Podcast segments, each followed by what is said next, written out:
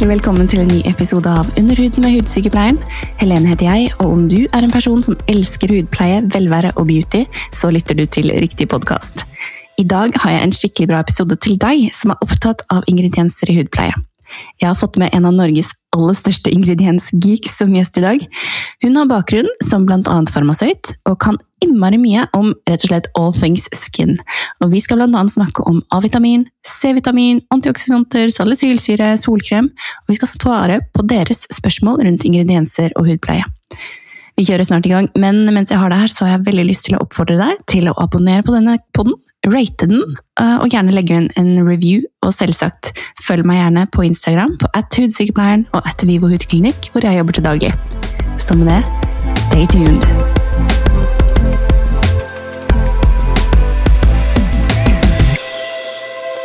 Og velkommen til deg, Kaja Helene Iselmo. Tusen takk, veldig hyggelig. Så hyggelig å ha deg her. Vet Du hva? Eh, du er jo eh, en fantastisk dyktig eh, person som jeg har vært borti flere ganger og blitt, blir stadig imponert over din ingredienskunnskap, og det er litt det vi skal touche inn på i dag. Rett og slett ingredienser og fordype oss litt på enkelte ting. Og um, nerde litt. Det blir veldig gøy. det er gøy. du introduserer deg selv litt? Ja. Jeg heter da Kaja Helene Iselmo, og jeg, for tiden nå så jobber jeg hos Dermanor. Og jeg er jo da utdannet apotektekniker, og så har jeg også videreutdannelse da fra høyskolen innen farmakologi, legemiddellære og kommunikasjon og hud og hudsykdommer og litt forskjellig, som er over tre år. Eh, så jeg er jo veldig, veldig glad i ingredienser og også glad i hud og hudpleie, og hva som på en måte vi kan gjøre for å eldes med stil, rett og slett. Ja, så bra. Ja. Herlig. og jeg spurte jo på Instagram eh, i går om det var noe folk lurte på rundt ingredienser. Og jeg tror aldri jeg har fått så bra respons noen gang. Og bare hagla inn ting. Og gjennomgangene her er jo dette her med, med A-vitamin. Eh, vi har jo altså I podkasten har jeg browsa innom det før, men jeg har aldri gått liksom ordentlig litt i dypet. Så jeg tenker nå kan vi se litt på de ulike typene, eh, hva det gjør med huden, og litt sånn hva, hva man kan velge uh, for sin hud. Ja. Du har du noen erfaringer med det har du, jeg vet du har det. Hva er erfaringene med A-vitamin? ja, altså det er jo veldig spennende med A-vitamin. og det er jo sånn at A-vitamin er det eneste vi kan faktisk claime anti-age om, som er godt nok dokumentert til å kunne vise til hudfornyelse. Ja. Og sånn I hovedsak så har jo A-vitamin tre hovedformer. Det er jo da syre, alkohol og aldehyd. Mm. Og den alkoholdelen er jo den som da man bruker eh, i begrenset konsentrasjoner i hudpleie. Mens aldehyden den er jo da reseptpliktig, og det er også da A-vitaminsyren i ren form, eller reseptpliktig i Norge. Ikke sant? Det er ofte det som folk får av fastlegen eller hudlege for typ hudsykdommer, da, som trenger typ retinoin eller atapalen, sånn type former. da. Helt riktig. Mm. Eh, og så er det jo sånn at vi vet jo at um, eh, retinol, som også er da den ene formen for A-vitamin, det er jo den man ofte bruker i hudpleie. Mm, det er jo mest kjent òg. Absolutt.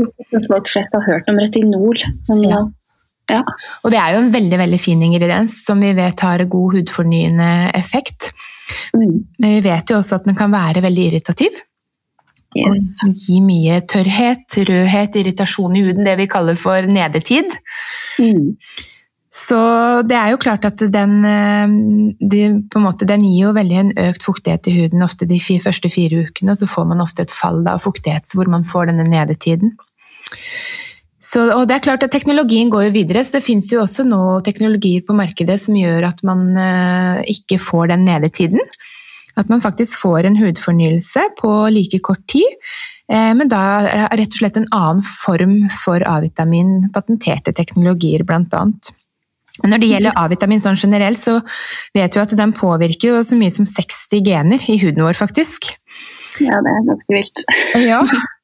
Og vi vet jo også det at den står for hudfornyelse, og den øker dannelsen av kollagen og elastin i huden vår, så den går på elastisitet og spenst. Mm. Og det at den også fører sol, så vet vi at den eh, forhindrer også at kollagenet brytes ned da når vi er i sola, hvis vi da har også tatt A-vitamin. Så det er en veldig spennende ingrediens, absolutt. Og den, eh, som sagt så er den jo da veldig fin for spenst, elastisitet og linjer og rynker. Mm. Mm generell liksom, fotoaldring av skader fra solen. Og jeg tror ikke du finner en eneste eh, person i bransjen vår som ikke bruker A-vitamin i en eller annen form. Eh, når man er sykepleier eller, eller uh, sykepleier eller hva som helst, så er det en veldig populær ting. Men mange, mange er litt sånn, kanskje litt redd for å begynne med det, fordi nettopp de har hørt at retinol gjør deg rød og flassete og irritativ, og de tør liksom ikke helt. Mm. Hvor er det man kan starte?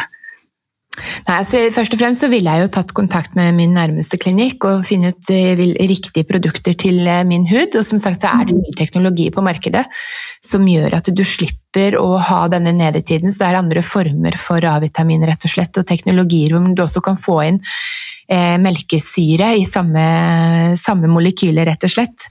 Og som vi mm. vet er en av fuktighetsfaktorene også våre i, i huden. Så det, første jeg ville gjort, var å tatt eh, kontakt med en klinikk, og så gått der sammen med den personen som jobber der, og rett og slett funnet det riktige produkter til min hud. Fordi at du kan unngå å ha denne nedetiden og få en hudfornyelse også. Ja. For jeg tror egentlig de aller fleste har jo nytte av det og kan bruke det. Man må bare finne, finne noe som passer for sin hud, og, og det, det, tror jeg det er mange bommer. Enten så, altså Vi nordmenn er jo litt sånn eh, Det funker ikke hvis ikke man kjenner det, ikke sant? Ja. Man ønsker den der svinga og stikkinga og bare Å, nå funker det, for nå brenner huden opp. og, og, det er litt sånn åh, litt det er det Ja, og det er det vi sier da. Det er gammeldags. Altså det, er, det, trenger vi ikke lenger. Fordi at nå har det kommet nye teknologier på markedet. Det er litt sånn Vi hadde iPhone 4 og 5, ikke sant? nå er vi oppe i X og XR og det ene med det andre. Så det å følge utviklingen går videre. Så det å følge utviklingen, og det er nye produkter på markedet, så man slipper å gå og være tørr og rød og irritert. Og man trenger heller ikke å ha den nedetiden for å få en fin hud. Eller hudfornyelse. Men det er jo to grupper mennesker si, som ikke kan bruke A-vitamin, blant annet. Og det er jo gravide og ammende. Mm. Um, og det er jo på en måte det er jo ikke fordi man har påvist at A-vitamin på huden er, er, skadelig for foster, men man gjør ikke den studien. ikke sant? Man, man vil ikke risikere den, den, testen. så Derfor så sier man, siden man har sett at A-vitaminbruk altså oralt, at man har tatt det i kapselform, det er direkte skadelig for foster. Derfor så anbefaler man at man ikke bruker det på huden også. Ja. Så det er jo litt, litt greia. Eh, så derfor så finnes det jo andre, andre ting som gravide og ammende kan bruke. Mm. Og, ser jeg det er noen som spør direkte om det. Jeg tenker da syne da den er fin. Det kan man fint bruke når man er gravid, og den jo, lysner jo veldig godt opp huden. og Samtidig så er jo den også veldig fin når det gjelder ja, rett og slett den spensten i huden også. Ikke sant? Mm. Kjempeinformasjon og alt med seg. Ja. Og, men det jeg også vet, er at mange får jo den på resept. da ja. som heter Finacea på resept. Men den kan man igjen bli ganske irritert av. Ja. Um, så det finnes jo sikkert uh, Den fins jo sikkert også i sofistikerte teknologier i produkter som man kan få hjelp til å finne da, hos en klinikk. Men, uh, men hyaluronsyre som du nevnte også, er jo alfa og omega med tanke på fuktighet og forebygging. Ja, og det er, jo, det er jo en ingrediens som kan binde opp tusen ganger sin egen vekt. Så det er klart at den gir mye fuktighet i huden. Absolutt. Mm. Og den har vi jo selv òg, i huden vår. Ja, sant. Det, det, produserer vi jo masse av, men det, det slutter jo å produseres den mengden man kanskje har behov for da, etter hvert. Det går litt sånn sakte, men sikkert i minus eh, på fuktighet. Greit å tilføre litt. Men um, åh, hva var det jeg skulle si nå? Mista det jo! Graviditet. Og så kom jeg til å tenke på sol. Og det har jo også litt tilbake på det vi snakket om A-vitamin. At uh, A-vitamin og sol er jo ofte noe som ikke er helt forenlig. Det, mm. det samme med når man er gravid, det å passe på med solstråler og, og bruke UV Jeg har egentlig lyst til å kalle det UV-krem, UV altså for når jeg kaller det solkrem, så tror folk at de skal bruke det i juni og juli. Ja. Men det er faktisk et produkt man uh, veldig gjerne kan bruke hele året. Og gjerne spesielt når man er gravid. Min. Absolutt. Og det er vi veldig opptatt av. Solkrem altså hele året, uansett vær, uansett altså, om det er overskya eller hva det er, så skal man bruke solkrem. Det er den mm. absolutt beste anti-age-kremen vi kan bruke. Det er det. Billigste òg, faktisk. Ja, ikke sant. Og når det gjelder A-vitamin og sol, så er vi jo sånn at vi sier er det sånn at du er en solguru og ikke så flink i sola og glad i sola og vil mm. helst bli, bli brun og få masse farge, så bør du unngå å bruke A-vitamin når du holder på å sole deg. Men er du flink i sola og bruker klær og hatt og solbriller og 50 pluss, og gjerne unngår da også sola når den er sterkest, så kan du også mm. bruke da vitamin på, på sommeren. Og det er jo fordi at vi vet at den er med på å redusere dannelsen av noen enzymer som forhindrer nettopp det at kollagenet brytes ned i huden vår. Ja, spennende altså. Eh, så solkrem er jo ikke helt sånn rett frem, det heller. Har du noen tips til liksom, ingredienser man kan se etter i en god solkrem? Ja, altså For å få en god beskyttelse av huden sin, så det viktigste med en solbeskyttelse, det er jo det at den er bredspektret. Det mm. at den har denne UVA-ringen i seg, det viser at den følger da EU-regulativet når det gjelder det å være innenfor en tredjedel av solfaktor. Så det som står på produktet, det er jo UVB-faktoren. Ja, nettopp. Ja, så Når det står 50 pluss, for eksempel, så betyr ikke det at man kan være 50 ganger lenger i solen. Men det betyr at du tåler 50 ganger den dosen med UV-stråler, UVB-stråler, enn du ellers ville ha tålt på en ubeskytta hud. Og den, kan du si, den dosen er veldig forskjellig fordi at vi vet at sola er sterkest sånn mellom 11 og 3, og det er jo da UVB-strålene. Så den dosen du f.eks. har klokken ti, den er helt annerledes enn den du får klokka tolv. Så derfor sier vi at det er viktig å smøre seg hver annen til tredje time. Mm.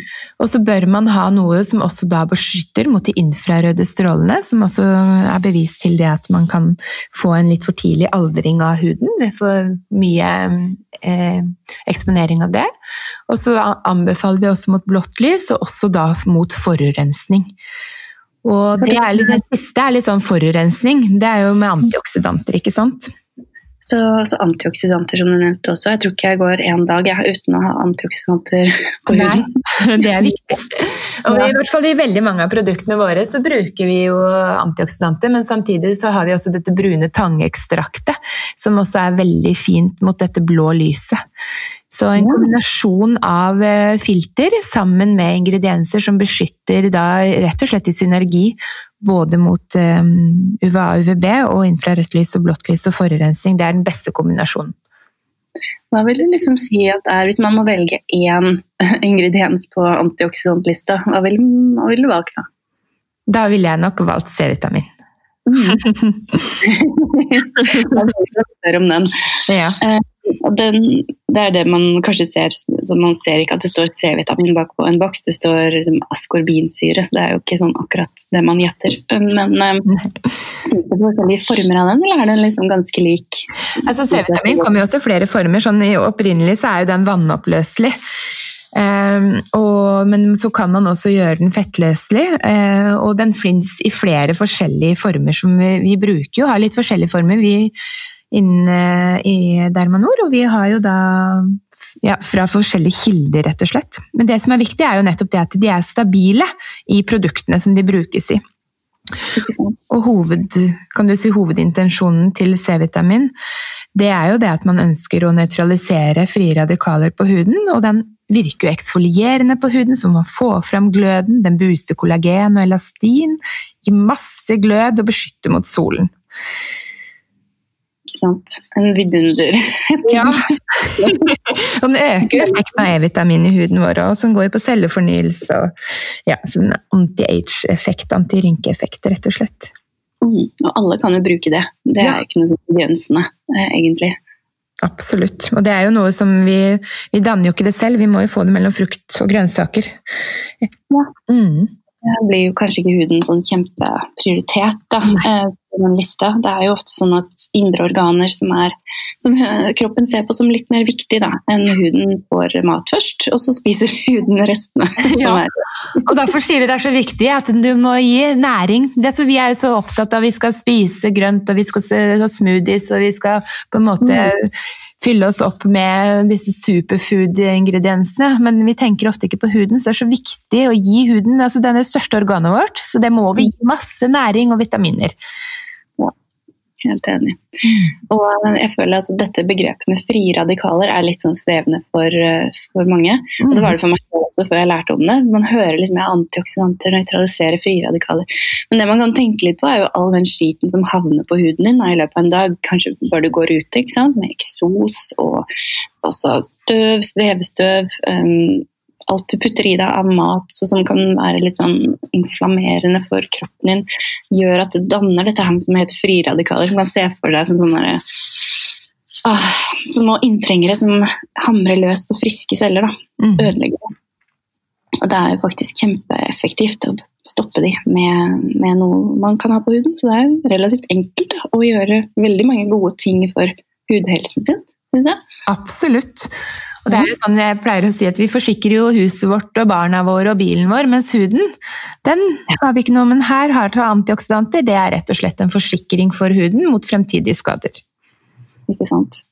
Og da UVA-beskyttelse. Ja. ja. No reason not to do it. No. kjør på. Ja, kjør på. Det er en annen ingrediens som går igjen her, og det er salicylsyre. Den mm kalles jo ofte også BHA-syre. Ja. Um, ja, salicylsyre er jo en veldig fin ingrediens, og, og, veldig fin for de som da har litt eh, fet hud, eller grov hud, uren hud. Den mm. virker jo på overflaten og eksfolierer bort døde hudceller. Og den penetrerer jo også talgkjertlene og eksfolierer bort som sagt, døde hudceller, slik at eh, de ikke hoper seg opp, sånn at man får disse komedonene, disse sorte prikkene eller hvite prikkene, og, mm. og som også da ofte kan utvikle seg videre også til akne. Da. Mm. Og så demper den talgproduksjonen, for det er jo ofte det som er problemet med den fete, urene huden, det at man har en ubalanse i talgproduksjonen sin.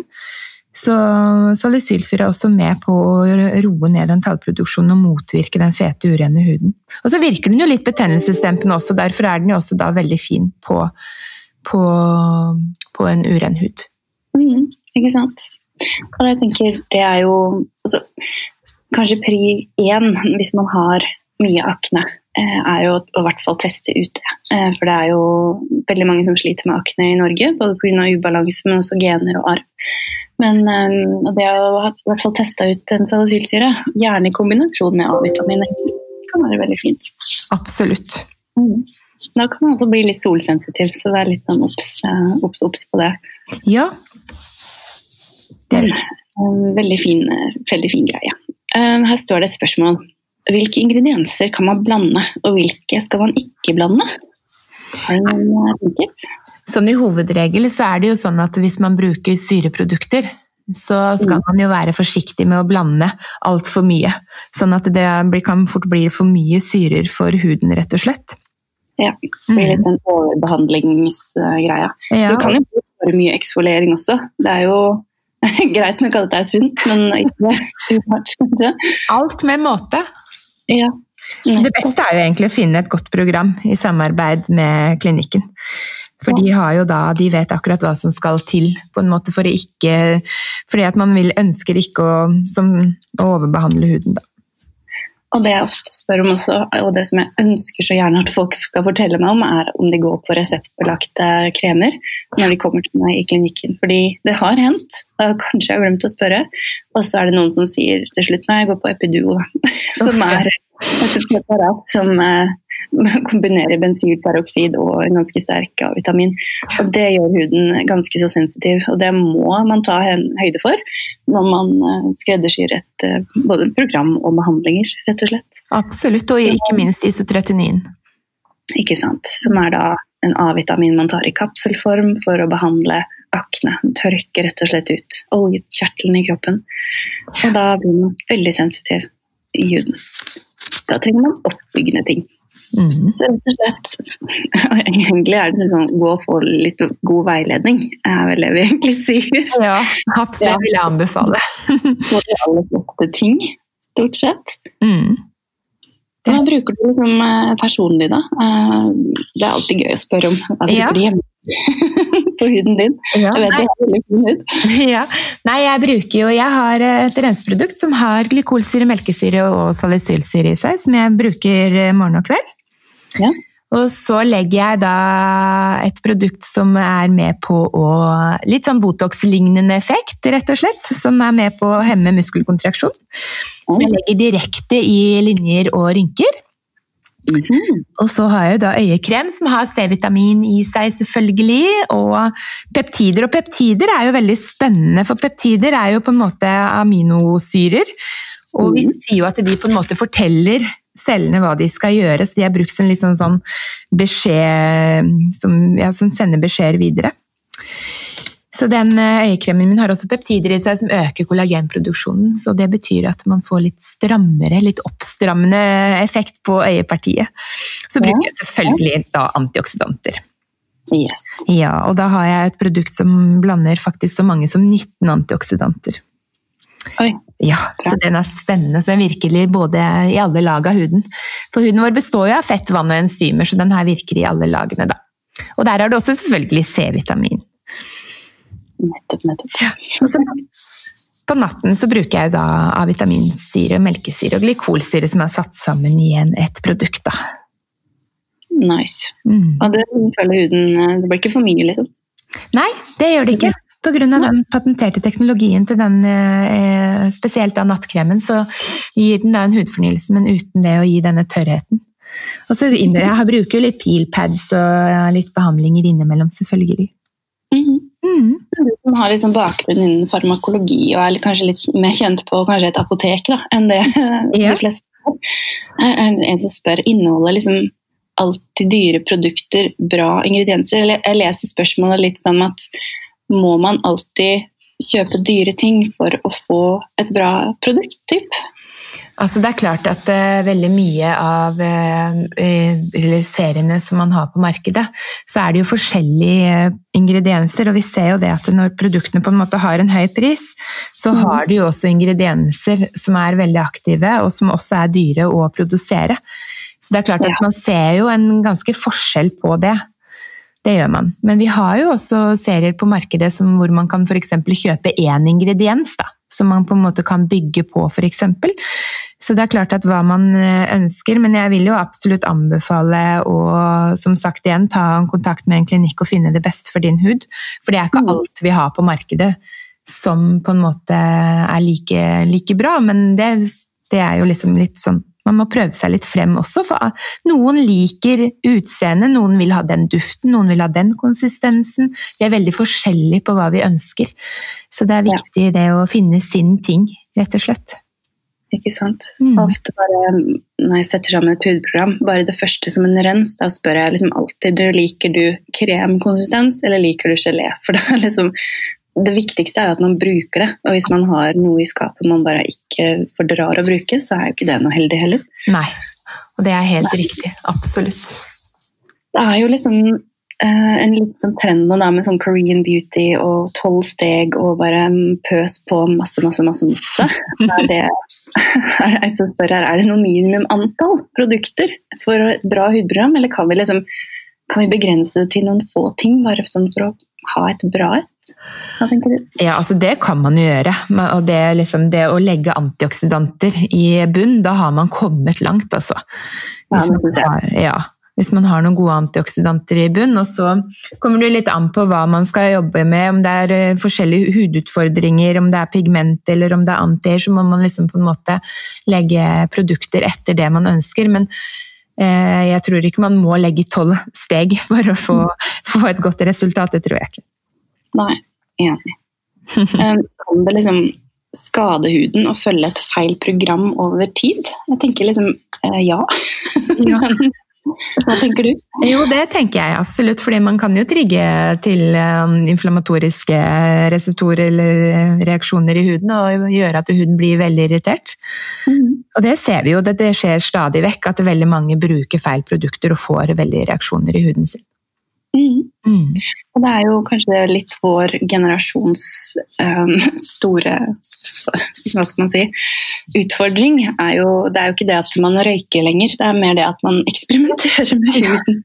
Som gjør at man til slutt får en hud som eh, er veldig ubalanse. Det ser jeg egentlig daglig på klinikken folk som kommer inn og bare mistolker huden sin helt. Bare, 'Å, jeg har så mye inflammasjon, jeg må gå på med sterkere syre.' Jeg bare Nei, du har overbehandlet deg, kjære. Du må roe ned. Og det er litt den greia vi ser nå. Ja. Det er jeg helt enig i. Det at Vi glemmer altså det at man må på en måte ta godt vare på den og ikke bare jobbe med den, men den trenger fukt, den trenger næring og trenger også beroligende ingredienser. Ja. Det er liksom ikke sånn at alle skal eksfoliere hver dag hele tiden, morgen og kveld. Nei. Er vi litt på eksfolieringstrenden, eller? Ja, det vil, jeg, det vil jeg kanskje si. Det er eh, absolutt. Vi, må, vi kan ikke bare gjøre det. Nei, nei, jeg er helt enig. Her står det, skal vi se aha-syrer. Det er jo på en måte en velkjent greie. Eh, mm. aha og BHA-syre er noe mange kjenner til. Vi har snakket om BHA, som er da salicylsyren. Mm. AHA-syrer det favner jo litt flere ting. Ja. Fellesnevneren er at de er én eksfolierende. Ja.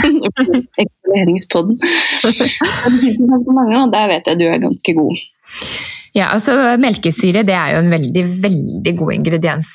Den er jo en av våre naturlige fuktighetsfaktorer som vi har da naturlig i kroppen vår. Og den virker jo sårhellende og regenerende, så den går jo på hudfornyelse, samtidig som at den gir vanvittig mye fuktighet. Og den er nummer én på fukt når det gjelder ingredienser, så er det melkesyre den som er nummer én. Og den virker jo helt ned i dermis og virker på cellene og fornyer. Og den øker også Små molekyler, er det ikke det? Ja, det er det. Og den går helt ned til dermin, som sagt. Og den er altså helt ned til ganske langt dypt ned i huden vår. Mm. Og da øker produksjonen også av kollagen og elastin igjen her, så den går veldig på spenst, elastisitet og plumper opp huden og gir dem mye glød og spenst. Mm. Og den er også med på å motvirke urenhet, for den virker jo også eksfolierende på huden. Nettopp. Så den brukes veldig mye i eh, Vi har veldig mye melkesyre i flere av seriene våre, i hvert fall.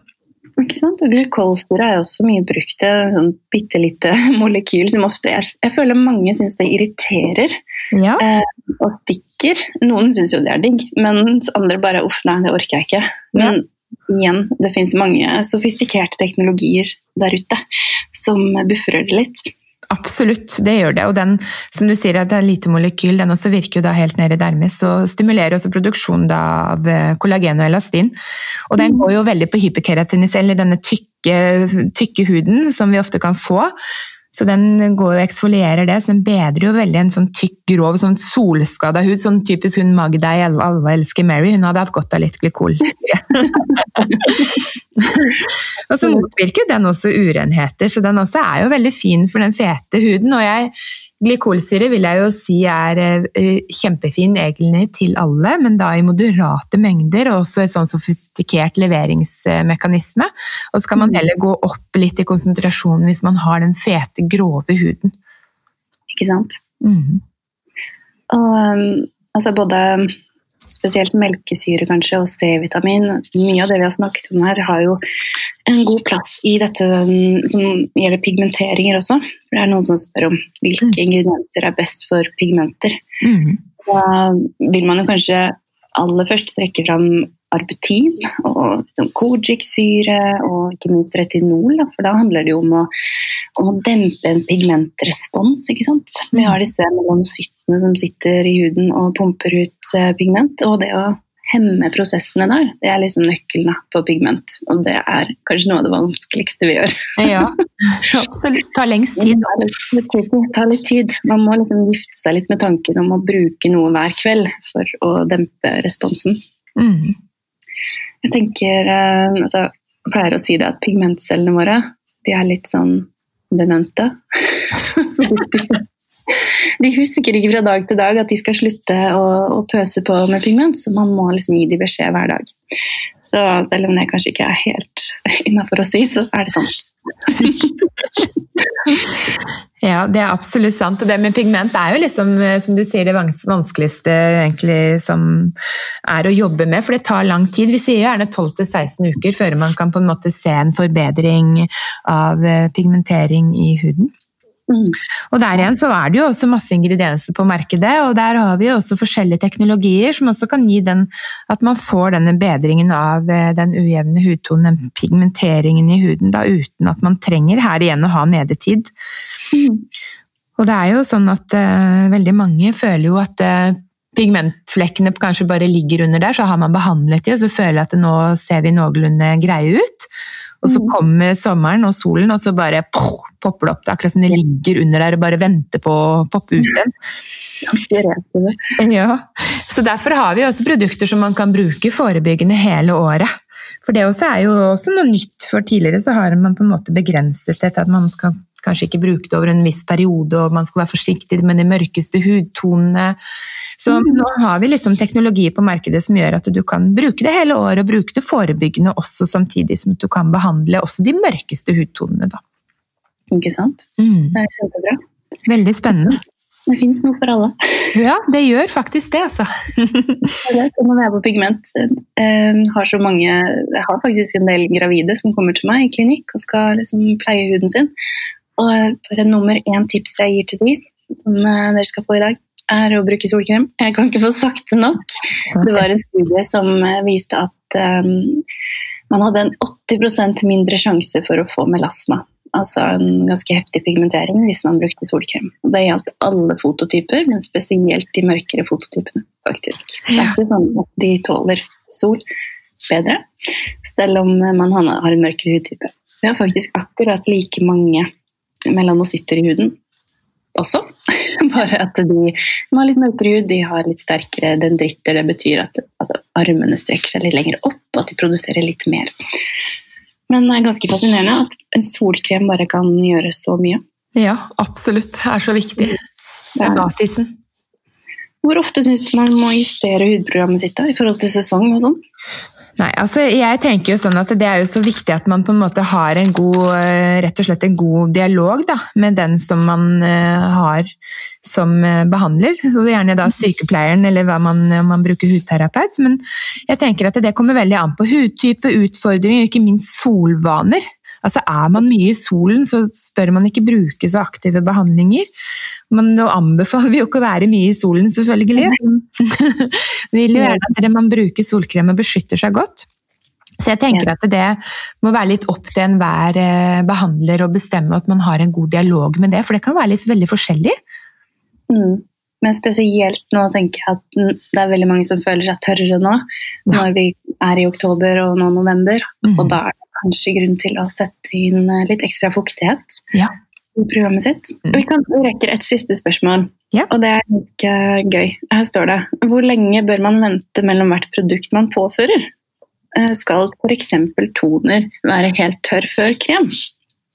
Ja, altså jeg pleier alltid å si at hvis du må vente på at kremen skal eh, trekke inn, da har du brukt for mye. ja, det er faktisk sånn. Og det er jo ofte det som er problemet vårt, at vi bruker altfor mye. Du skal bruke det i tynt lag, og det skal trekke raskt inn, og så kan du legge på neste laget når det er tørt. Mm, mm. Ja. Og, men altså, jeg føler ofte at hvis huden er litt sånn fuktig etter rens, altså ikke våt, men liksom ikke helt klappa tørr heller, så mm. føler jeg at produkten trekker bedre ned. Ja, og det er jo noe med sammensetningen i huden vår, ikke sant. Så det er absolutt. Man kan godt gjøre det. kommer litt an på hva man skal bruke, tenker jeg. Er det toner, så kan man jo bare føre det på. Men mm. er det et serum hvor man både har fettløselige og vannløselige ingredienser, så ville jeg vente at huden var helt tørr, da. Har du noen siste tips på tampen? Eh, jeg ville jo absolutt anbefale alle om å ta kontakt med sin nærmeste klinikk og så finne de riktige produktene til sin hud. Mm. tenker jeg er det viktigste, sånn at man ikke famler i mørket og er usikker på hva man skal bruke og ikke bruke, for det finnes jo veldig mye produkter på markedet. Og som sagt så finnes det noe for alle, det er bare om å gjøre å finne det riktig til sin type hud. Og så er det jo C-vitamin eller antioksidanter da, som, vi, som jeg absolutt vil anbefale alle som en forsikring for huden. Absolutt. Mm. Helt enig. Tusen hjertelig takk Kaja, for at du hadde lyst til å være med i dag. Det var helt fantastisk. Tusen takk for meg, det var veldig hyggelig å være med. Ja, nå har vi lært masse nytt om ingredienser, så vi får bare høres eh, videre. Ha en fin dag. Ha det! Ha det bra!